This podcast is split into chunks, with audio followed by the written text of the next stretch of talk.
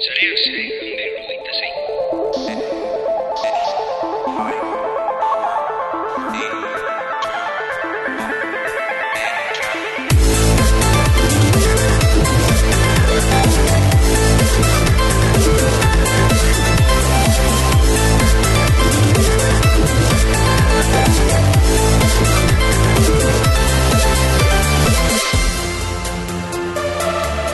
Programa hau grabatzerakoan abenduaren irua da, Euskararen eguna, beraz, e, bueno, gaur ospatzeko badaukagu, e, eme, en fin, zarean zehar Euskaraz egiten dugunez, ba, suposatzen duzu, gustatzen zaigula Euskaraz e, egitea, saiatzen gara, e, kasu batzutan ez e, da hain ondo suertatzen, baina, bueno, saiatzen gara, eta e, teknologia eta euskal kultura bat egiten duten ekitaldeak eta e, proiektuak ere e, sustatzea gustatzen zaigu. Horri buruz iten dugu programa honetan, e, gaitu.eus e, proiektua ezagutuko dugulako, baina baita sarrera honetan beste proiektu bati buruz edo beste kasu honetan ekitaldi bati buruz itzein nahi dizuet e, data hauetan tipikoa eta klasikoa dena durangoko azoka eta bere barruan kabia e, gunea, e, ba bueno, teknologiari teknologiei buruz e, jorratzeko. Aurten bi egunetan izango dugu kabia, e, abenduak saspi eta zeian, barkatu zeian eta saspian, odeto esan da, saspian izango da gamer gela, batez ere, gamer antolatzen duen hor e, Durangoko azokan ba, e, guztiok euskarazko jokoak e, jokatzeko espazioa eta e, abenduak sei izango da itzaldietarako lekua. Itzaldi asko daude e, goizeko amarter dietatik e, arratzaldeko sortzietara arte e, batzuk oso konkretuak oso e, espezializatuak ba, beste batzuk e, pizkat orokorragoak, baina guztiak oso oso interesgarriak izango dira, beraz, joan zaitezte durango azokaran e, webunera eta ikusi hor zer izango duzuen.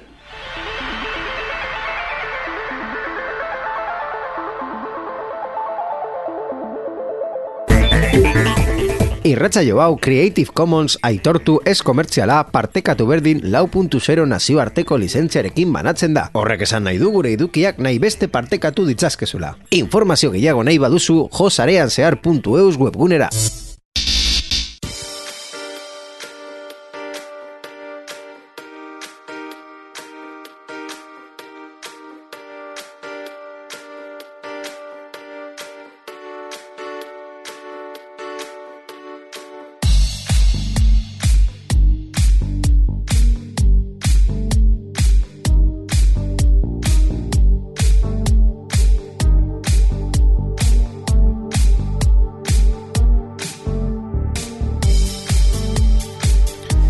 Basarean zeren programa honetarako Bideoan ja pizkat spoiler daukazu, eh? Badakizu eze gertatzen ari den konkretuki Baino eh, audioan ez, beraz eh, Azaldu behar dizuet eh, En fin, gaur programa berezia da Euskararen egunen gaude eh, Bueno, deialdia ja egin dugu eh, Durangoko azokara gerturatzeko Eta kabiara konkretuki gerturatzeko. Gero, eh, itzengo dugu eh, Marko Txopitearekin gaitu.eus proiektuari buruz eta gainera libre sale e, ezagutuko dugu.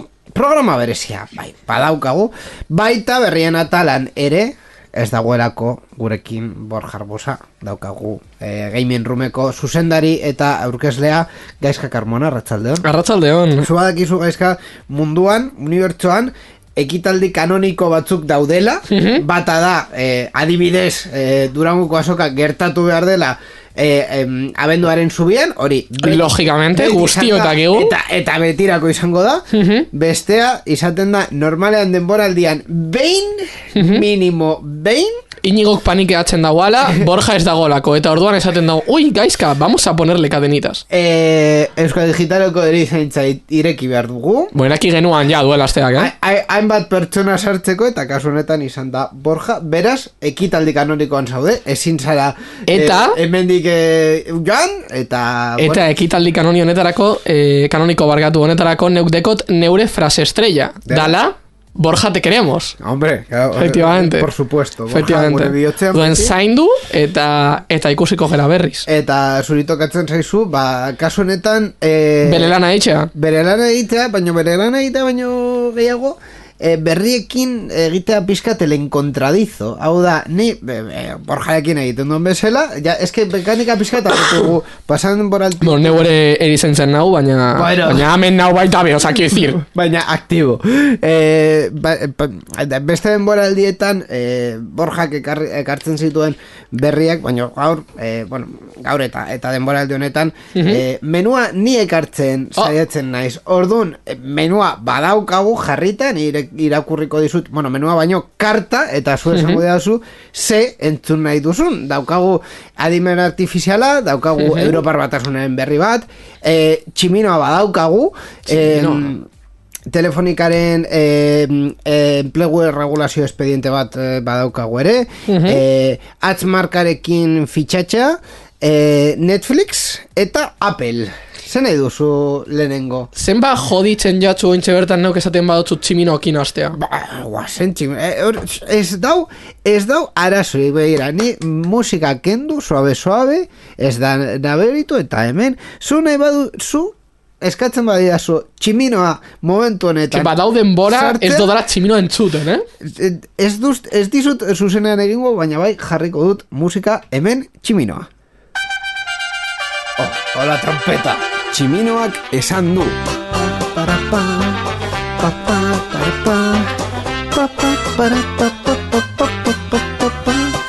Ba bai, tximinoarei buruzko berria badaukagu, bueno, tximinoa... Tximi, eh, es, es que, claro, ni arazo badauka sintonia honekin. Bueno, sintonia honekin, ez atal honekin konkretuki. Tximinoaren irudia pizkat despektibo dela iruditzen zaidala. Elon Musk irudikatzeko gainera, Zeuk, zeuk ez dozu gogoratzen. gainera, bo, eh, gaizka, Bai. Sudafrikakoa izan da.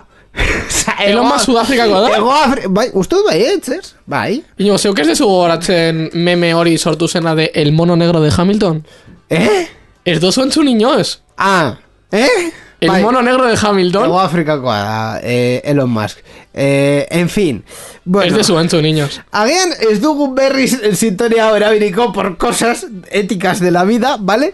Baino kontua da, eh, arazo bat daukala Elon Musk Suedian, Soilik baba da. konkretuki eh, greba solidario batean jarri direlako bere kontra. Suedian Teslako eunta hogeita mar mekanikari inguruen arteko hasierako gatazkak ustekabeko dimentsioak hartu dituelako. Enpresak hitzarmen kolektibo bat sinatzeari uko egiteak greba eragin zuen eta laster bere konpainia batzuetako langileen babesa lortu zuen. Ara nora eh, portukoena, eh, argi argiketariena eta baita posta langileena ere. Hau, eh, azken hau, importantea. Teslaren era, eragiketak kolokan jarriz herrialdean.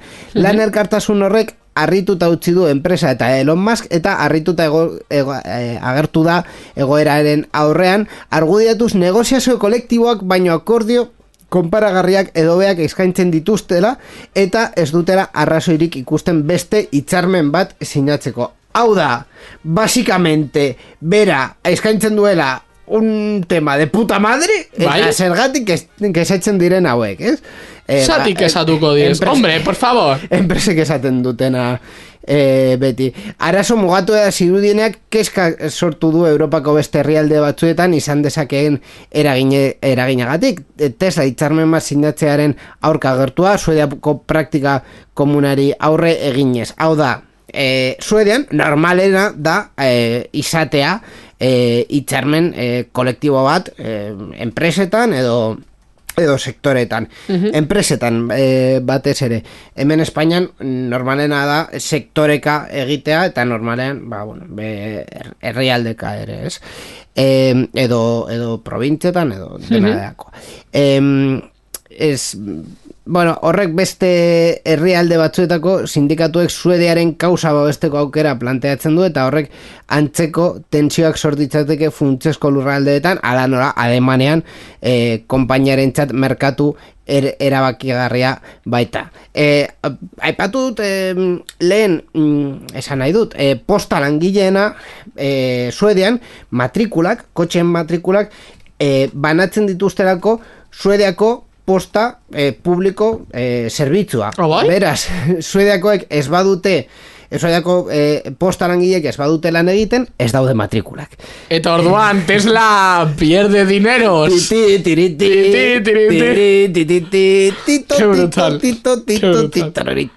Bai. Claro, horre- horregatik deko movida, horregatik deko movida, porque bestela greban, pues bueno, oye, Claro. Elon Musk naiz, eh, zazpi milioi euro gozaltzen ditu egunero, berdin jat guztia, ez dozu lan, ez dozu lan nahi, no te preocupes, despio otras 2000 personas, Twitterran. Claro, eh, hori izan da, eh, azkenean konturik eh, nabarmenena, eh, mm, egia da mekanikoak, ba, bueno, eh, arazoak, eh, langileek arazoa, ba, barkatu, langileek ez, erabiltzaileek arazoak badauzkate haien, haien ibilgailuekin mugitu aldituzte ibilgailuak zueatik kanpo eh, konpontzeko edo eh, adibidez portuko langileek greban dauzenez ez dira eh, portuetatik sartzen eh, eh, kotxeak, baino eh, adibidez errepidetik sartu aldaitezke, baino ez bat, ezin baduzu eh, auto bat matrikulatu, Claro, ez da modurik. ez da erabilgarria. ez- Claro, baina, precisamente, eh, honen inguruan itzeiten neban, ez dakit nogaz eh, izan zan, baina honen inguruan itzeiten neban eh, beste gunien grebaren ingurura, porque izan doguz geuk eh, hainbat greba, eh, daramagun kuatrian, ja momentuz, Bai, eta azkena izan da greba orokor bat zaintzaren alde. hori da, zaren Eh, hogeita marreko, hori da. dena. Eta zein izan zan movida, karo, azken baten neuk esaten neban, neuk etxeiten neban pertsonagaz, ba esaten neban. Neuri ez e, zitzaidan ondo iruditzen, Bilboko lau, lau sarrerak istea egun horretan. Hori, neuri, eh, baina esan Ai, neuri amigo. ez jat ondo iruditzen. Ai, amigo. Baina, claro, pertsona horrek esaten ustana zan, claro, eske entzuteko, gu, geu entzuteko modu bakarra, da soinua eitzea. Claro. Eta soinua Claro, eitzeko claro. afektatu behar dozuz besten bizitzak. Claro. Claro, horrela. baina badauz bi ikuspuntuak. Badau ikuspuntua de eskorrela entzungo gaituzte, porque benetan gauza egiten movidas que fastidian, Hmm. eta beste modua ikusteko da, vas a ganar más haters. Ah, Claro, egongo da bueno. jende gehiago, egongo dana zeure kausanen kontra, porque eh, saus egiten gauzak que a ellos les fastidian. Orduan, badau jendea de, neu ez nau de acuerdo zugaz. Ez, ez do tapoiatzen, ez nau de acuerdo. Baina, mientras a mí no me afecte, Ya, pentsau ya, nahi ya, desuna. ya, ya, baina- Baina en el momento en el que me afecte, ya estoy en tu contra. Ja, ja, baina ni, pertsonalki Eta hori uste moia dut bada. Es- Espainian badakigula orokorrean eh, pertsona helduak badakite eh, mm, eh, greba dela eskubide bat, ordun ez, ez, ez dira orokorrean eh, Ja. horretan horretan sartzen. Hau da, eh, greba egiten duena eta piketeak egiten dituztenak eta ber, ba, bai, molestia bat da, hau da, eh, bai, pasaden egunean Bilbotik, gainera, tokatu zitzaidan Bilbotik eh, irtetzea San Mamesetik eta pizkat koñazo izan zen hor eh, Muy complicado. eh, eh, eh, geldituta egotea itxaroten a ber si se mueve o no se mueve vale, ondo baina ni ulertzen dut hori grebaren parte bat dela Neuri afektatu jatan e, metroan. Jun nintzanean klasera, e, imposible el metro hasta arriba. Claro. Porque, claro, e, egozan servizio minimoak. Claro, baina horrekin zu ulertzen duzu eh, greba hori eh, Claro. eragin bat dauka. Claro, neuk ulertzen neban, eta fastidiatu eustan bai, baina tampoco decir, me voy a Claro. poner en contra. Baina badau jendea ez dagoen abertzen. Eta, de hecho, eh, graciasko egin dozta, porque precisamente gaur, neuk eh, egon naz, eh, Elon Musken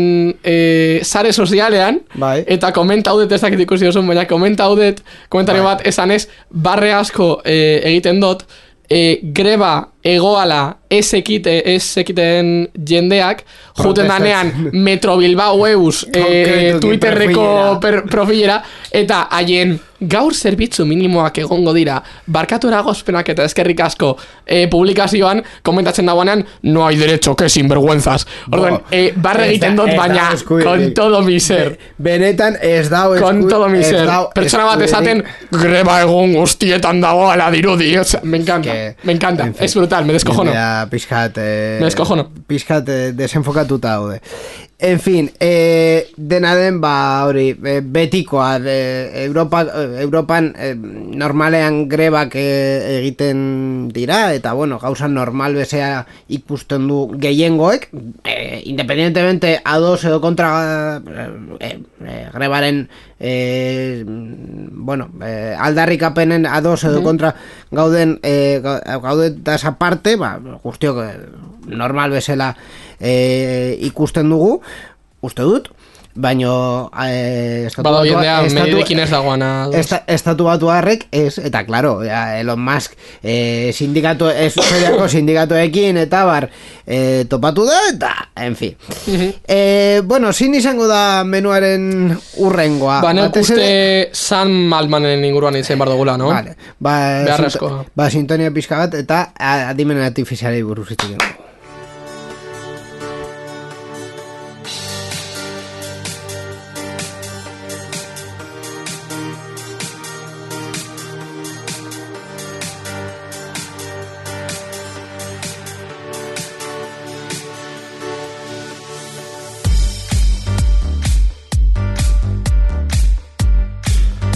Ba, bai, adimen artifizialei buruz hitz egin behar dugu, e, movida egon delako Open AI enpresan, e, ba, bueno, mo- movida gainera nahiko klasiko, hau da, hau Steve Jobsekin ja egin zuten, baino e, askoz e, denbora e, luzeagoan, hau oso askarra izan da. E, kont azken, azkenengo partetik hasiko gara kontatzen Open AIk Sam, Sam Open Altman- AI, Open AI.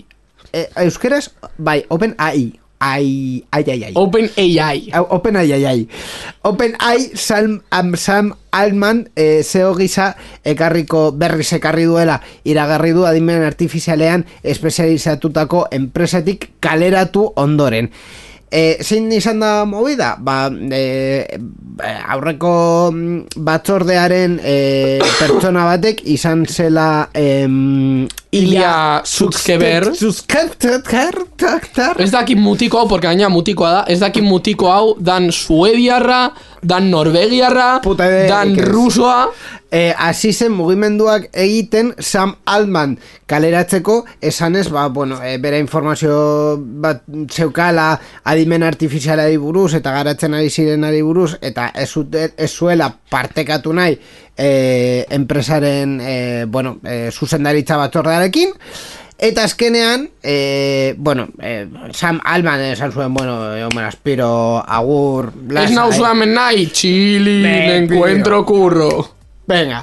Eta momentu horretan, sateara dela Microsoftekoa enteratu zen, eta egin zuen bet. Ui, ui, ui, ui, ui, Eta ui, egin ui. zuen, hasi tal cual, hemen telefono bat daukat, ¿vale? Telefono hartu, eta esan zuen, e, mm, este Sam, nirekin. Claro, Sam Altman esan zuen, hostia, pues, pues bai. eh, Pues bai, momen- pues como que bai. mo- Momentua da, Microsoftera joateko, gainera, Microsoft dela, Open Airen, eh, akziodun nagusien... Euneko berrogeita bederatzia Claro, dau. claro, o sea, i- Una ia- burrada. Ia enpresa guztia daukate ya erosita, estar un 2% de mandar en todo aquello, ¿no?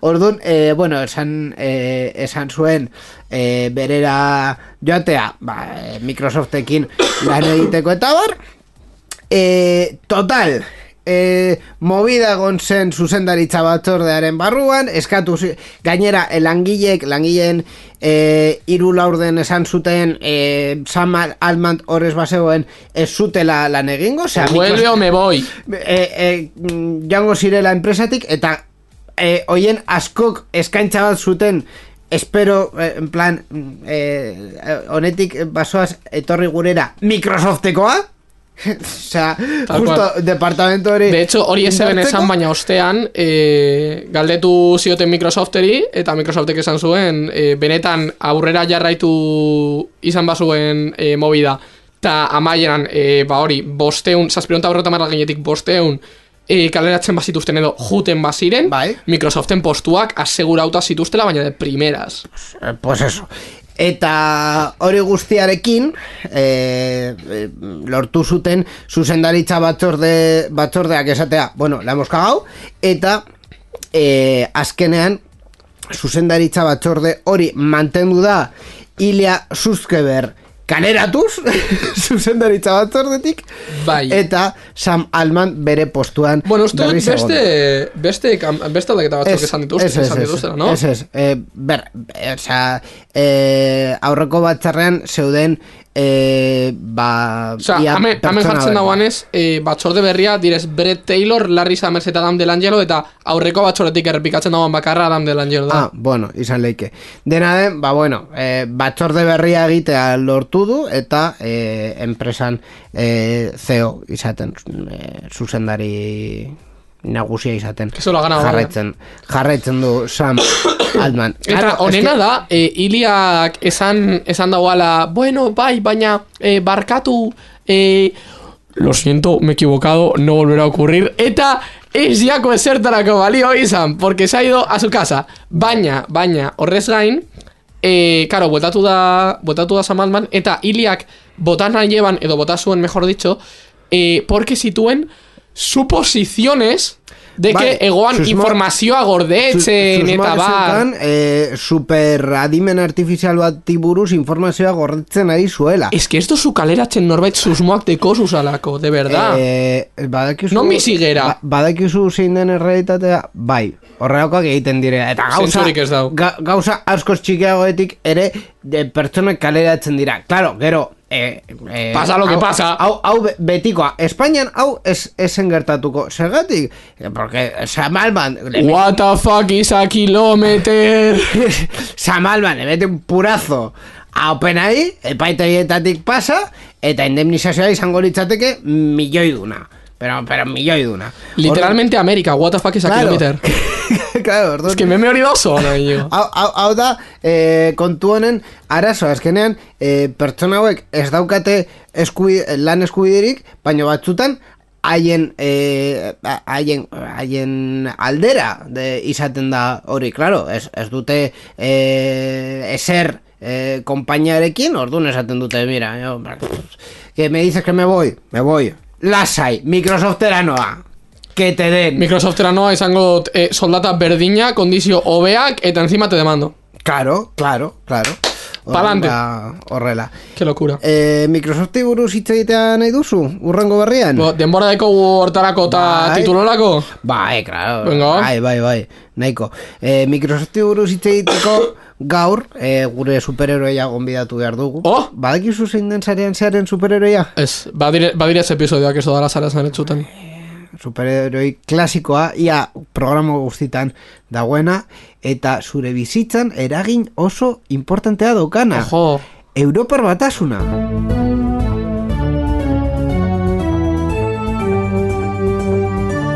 Europar batasunaren berria. Sarean zehar.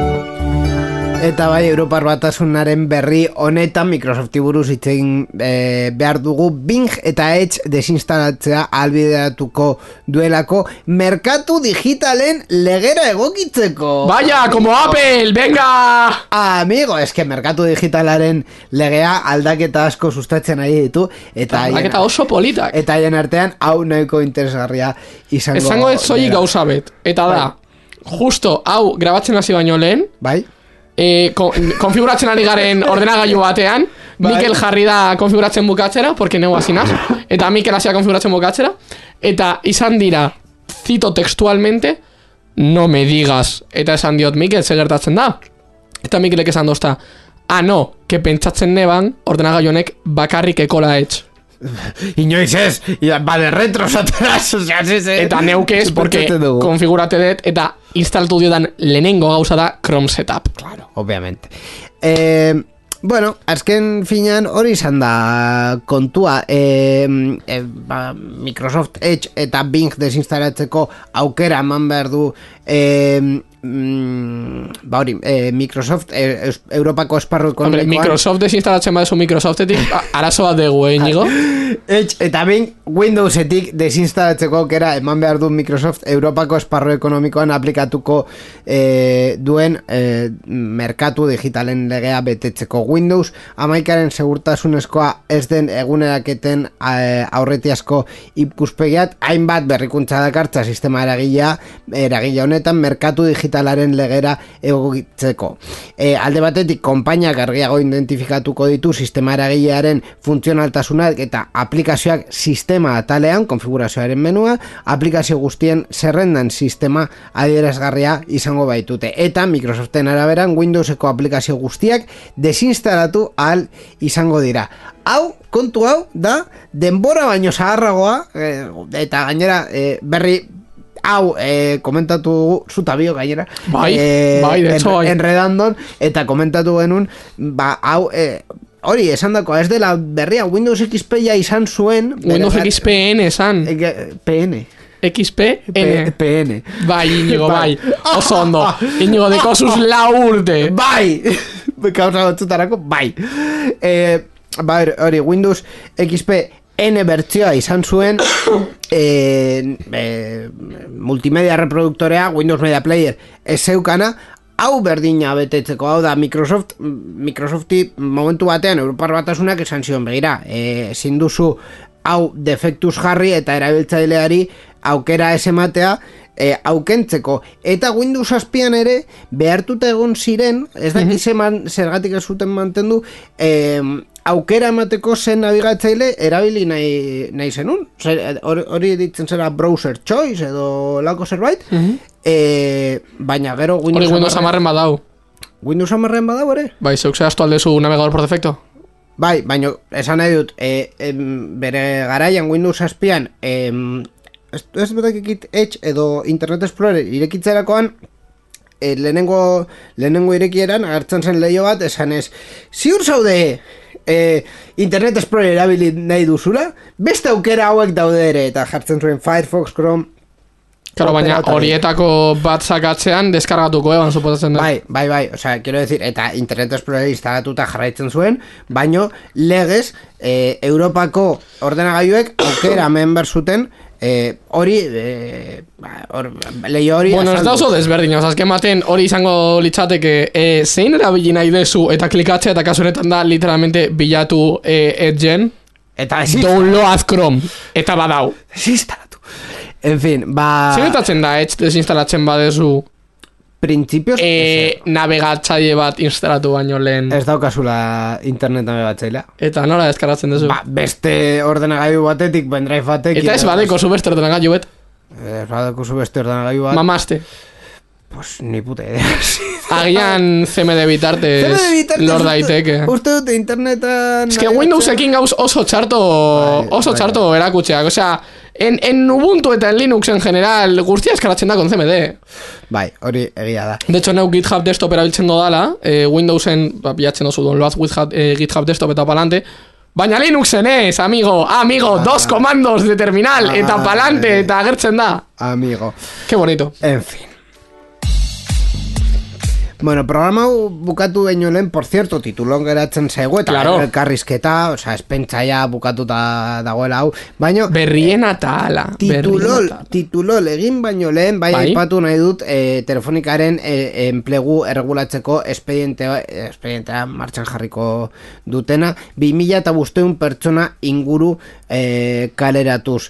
E, mugimendu hau, ba bueno, nahiko deigarria da e, volumenagatik, baino egia da e, enpresa, telefonika enpresasko dauzkala eta konkretuki e, bere hiru enpresa handietan eragin izango duela, telefonika de España, dela e, finkoena, e, telefono finkoena eta zuntza, ematen, zuntza zerbitzuak ematen duena, telefonika mobiles i, eta telefonika e, soluziones deitzen diren hiru enpresa horietan eragin izango izango du.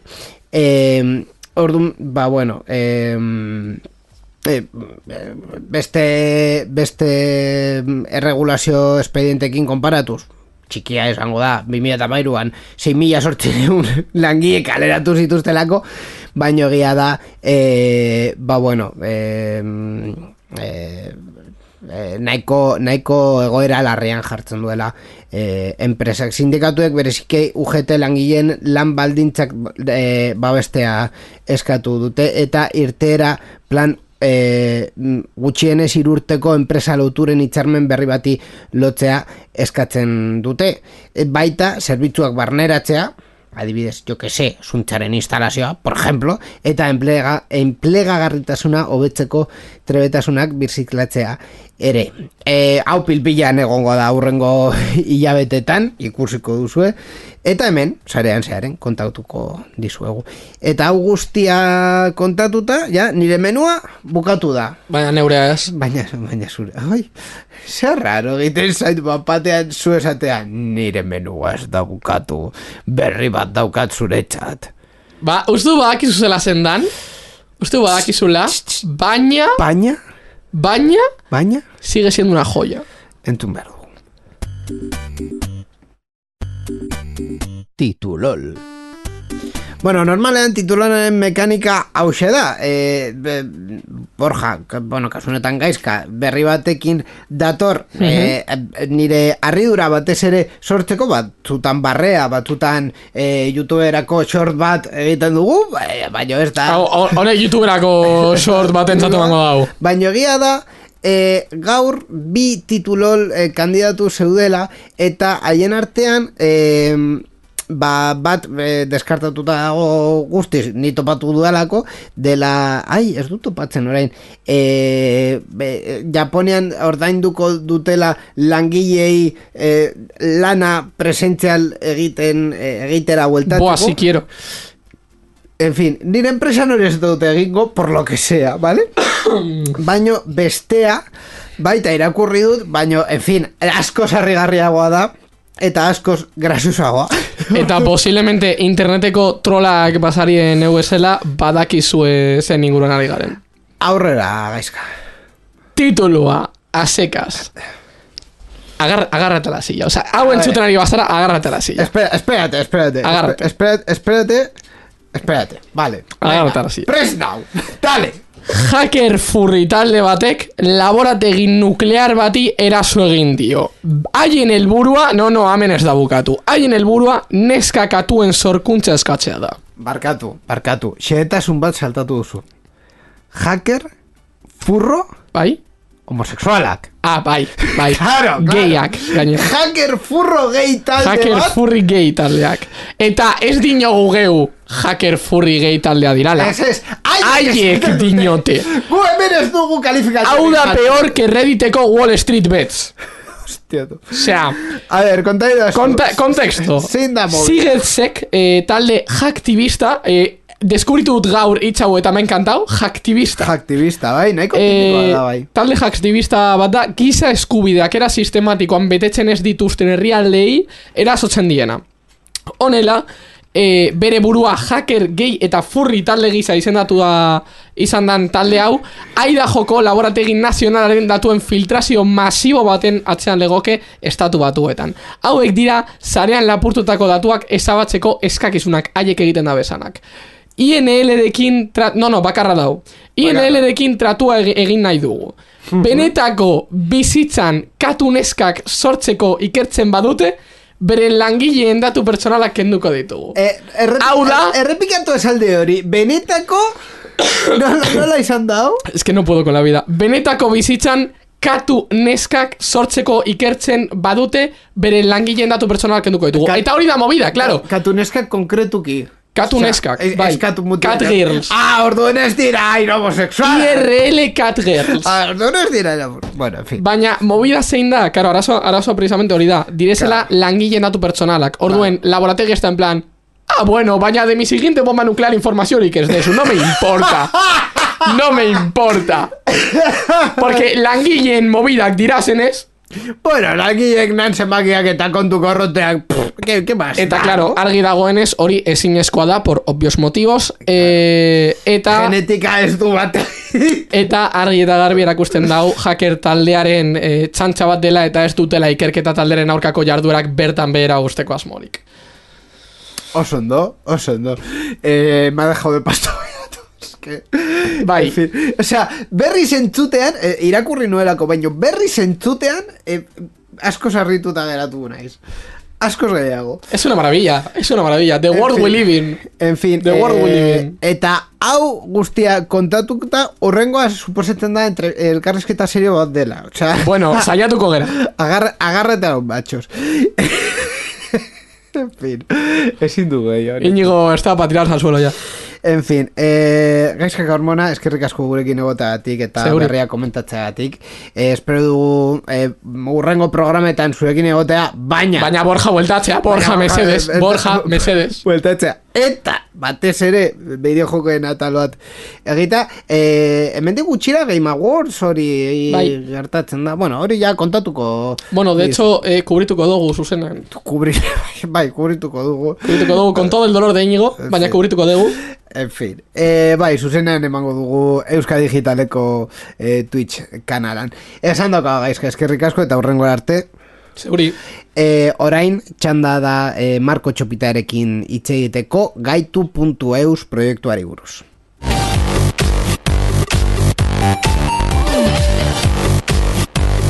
Sarean zehar.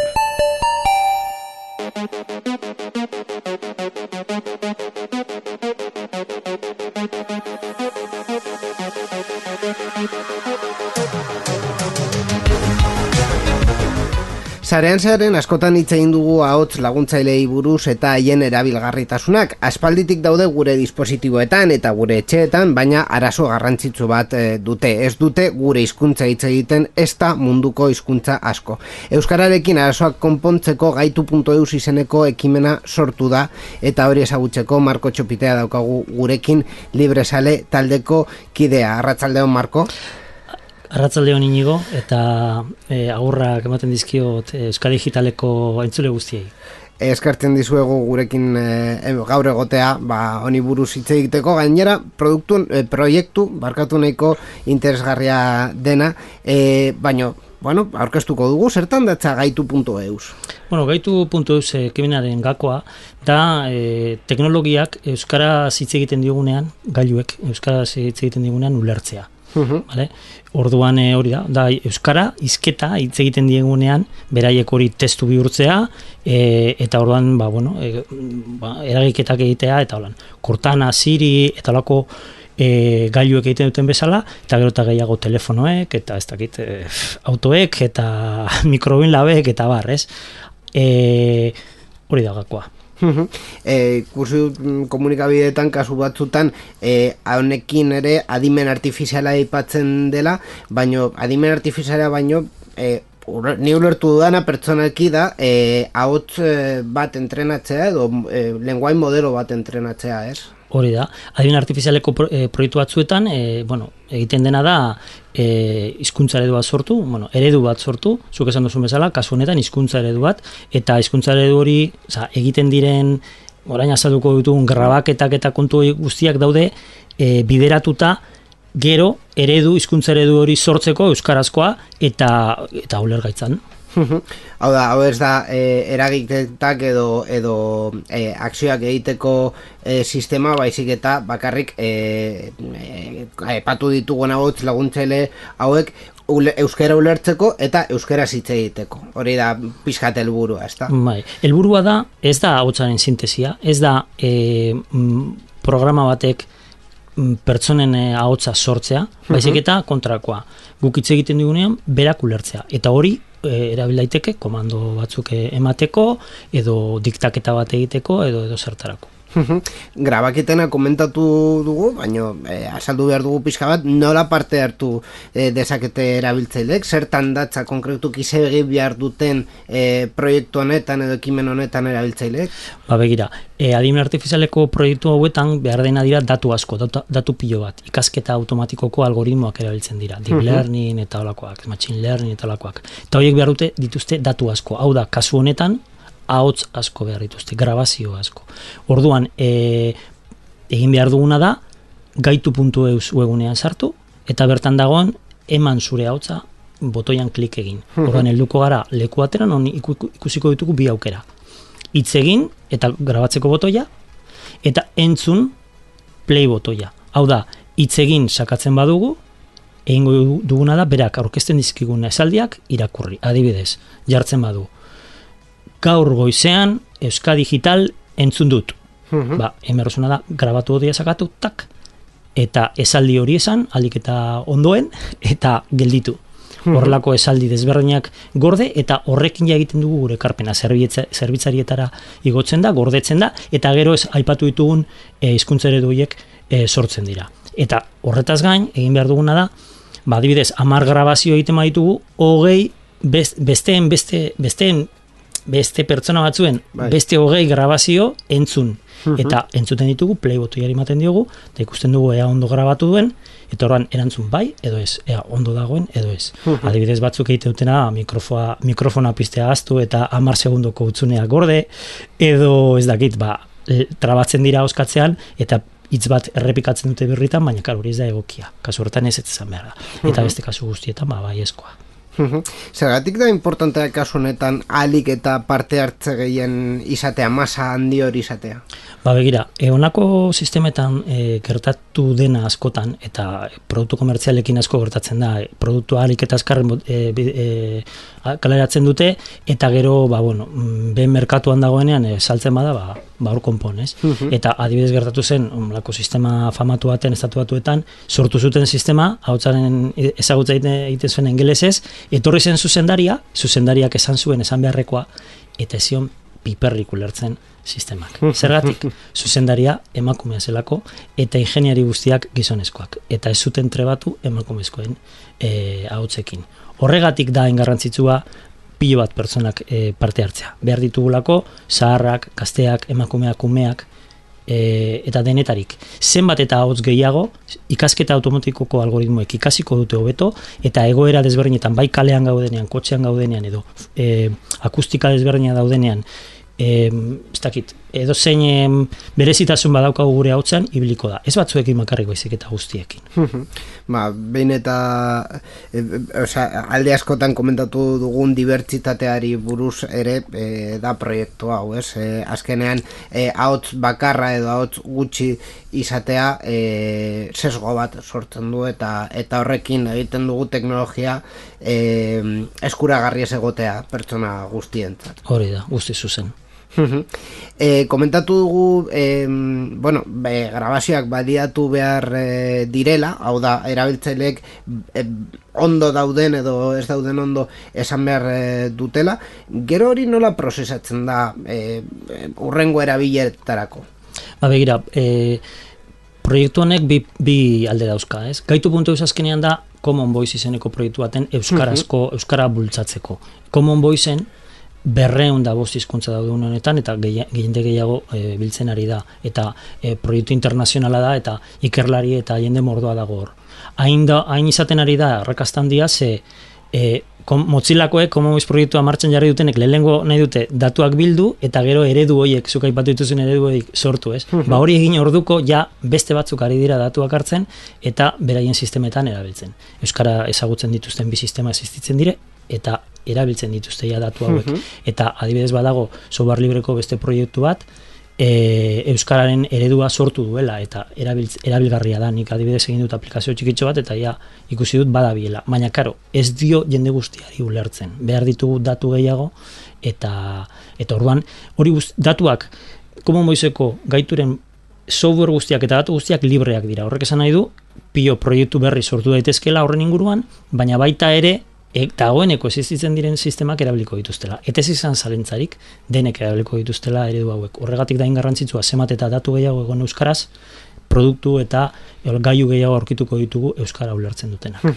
E, Common Voice aipatu duzu, baina ez dugu azaldu zer den konkretuki Common Voice.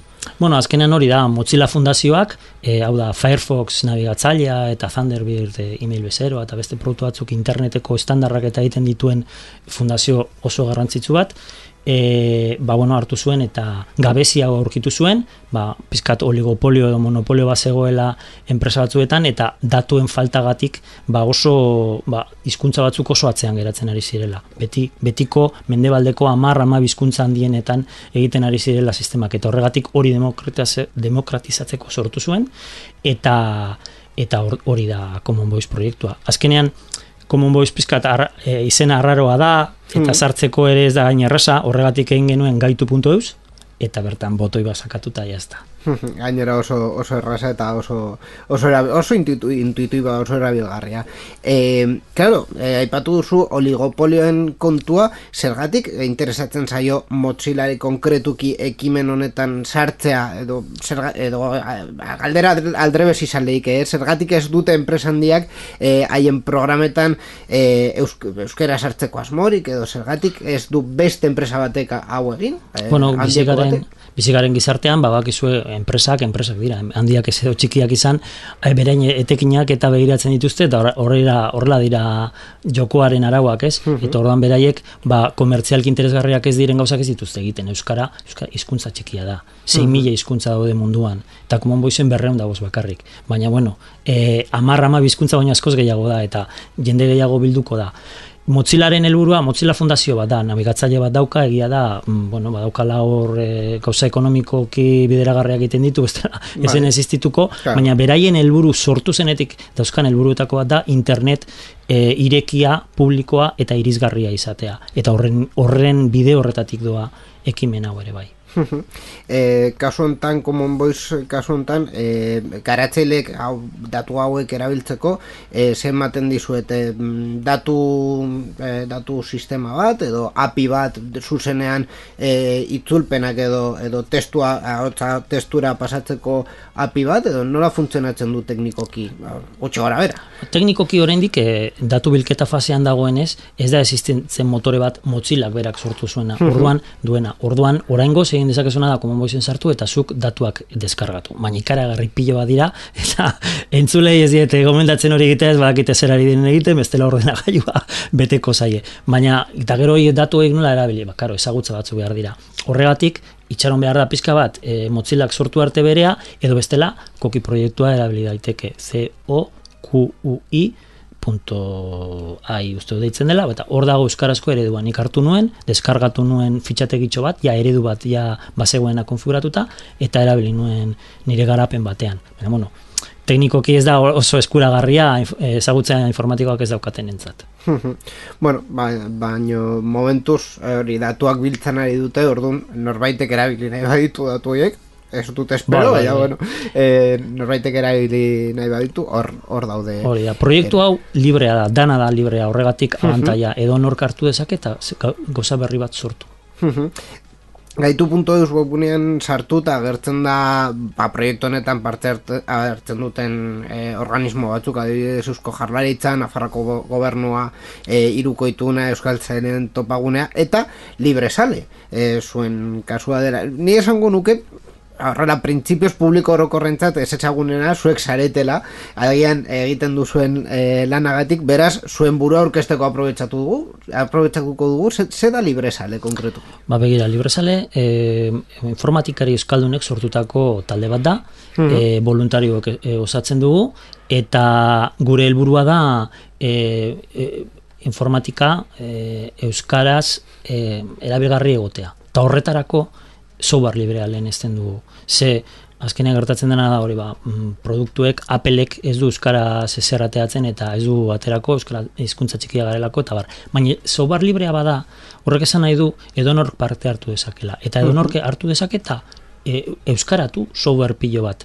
Hau guk adibidez LibreOffice euskaratzen dugu, e, WordPress blogak sortzekoa, eta beste egia esan ehundaka software euskaratzen ditugu, voluntarioa gara eta hori horretara dedikatzen gara.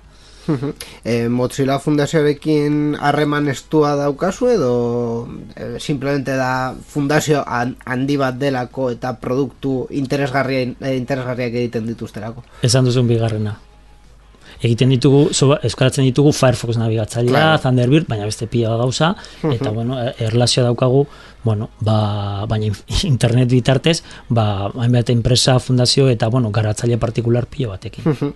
Ba, elkarrizketa honen azken minutua aprobetsatuko du jendeari proiektu honetan parte hartzera animatzeko deia egiteko. Bai, nik bereziki egingo nieke deia jende guztiari, danak dira ongi etorriak noski, baina bereziki emakumeei eta e, erretiratuei edo hau da, irurogei urtetik gora dauzena, da, dauden pertsonei. Zergatik, esan dudan bezala, proiektu honen helburua dibertsitatea zaintzea delako, eta nahi dugulako e, eredu orekatu bat sortzea. Eredua orekatua bada, hizkuntza, bueno, eredu hori sortzen den fitxategi hori e, marabioso hori ere orekatua izango da eta jende guztiari ulertuko dio berdin, ez da gertatuko emakumeei ez, ez, e, ez ulertzea. Horregatik, egiten diet deia denai gaitu.eusen sartzera, telefonoarekin, eta leku isil batean, ez da behar estudio bat eukitzea, zuek bezala, baina, bueno, e, leku, e, leku lasai batean, e, sartu gaitu.eusen eta eman zure hautza botoia sakatzea. ba, Marko, benetan e, e, eskerrak ematen dizugu e, sarean zehar honetara gerturatzeagatik eta gaitu.eus proiektuari buruz hitz egiteagatik. Eskerrizko asko zuei. Entzun berri duzunari buruz hitz egin nahi? Zure iritzia jakin nahi dugu, idatzi ezaguzu Twitterren gure erabiltzailea, sarean zehar da. Gure Twitcheko emanaldietan ere parte hartu eta zure iritzia eman dezakezu programa egiten dugun bitartean. Twitch.tv barra sarean zehar. Gainera, zure ekitaldiaren edo ideiaren berri eman nahi baduzu, posta elektronikora idatzi diezagukezu info abildua sarean zehar.eus. Sarean zehar, zure mezuen zain.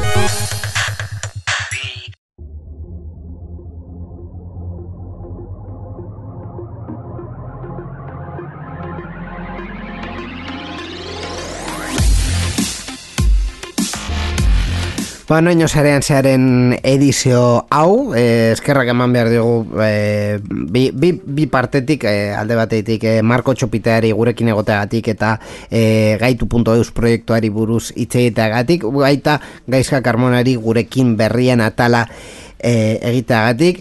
E, Borja mesede zaindu eta, eta espero, e, espero dugu gurekin egotea e, urrengo programan. Baita Mikel Karmonari berrekuspen teknikoan eta ekoizpenean dagoena eta baita irratietan dauden ekoizpen eta teknikari talde guztiei e, programa honen emisioa posible egiteagatik. Guri horrengo saioa urtearen azkena izango da, beraz, izan leike zerbait berez egitea, edo ez? E, benetan edo ez ez du, momentuz ez dugu prestatu, baino badakizu, eh, hau betikoa dela. Berri teknologiko gutxi e, badaude, ba berri e, urtearen hobeto esan da, e, berrikuspena egingo dugu pizkat ikusteko nola joan den eta ze izan dugun. Eta berri teknologikoak badaude, ba haiei buruz itzengo dugu bitartean, e, lehenik eta behin zaindu gripeaz eta gautza guzti hau ez eta e, mm, bueno, bai, e, gure webunean e, topatu dezakezue eduki gehiago sarean zehar puntu eusen. Eskerrik asko saio entzutegatik eta horren arte, agur!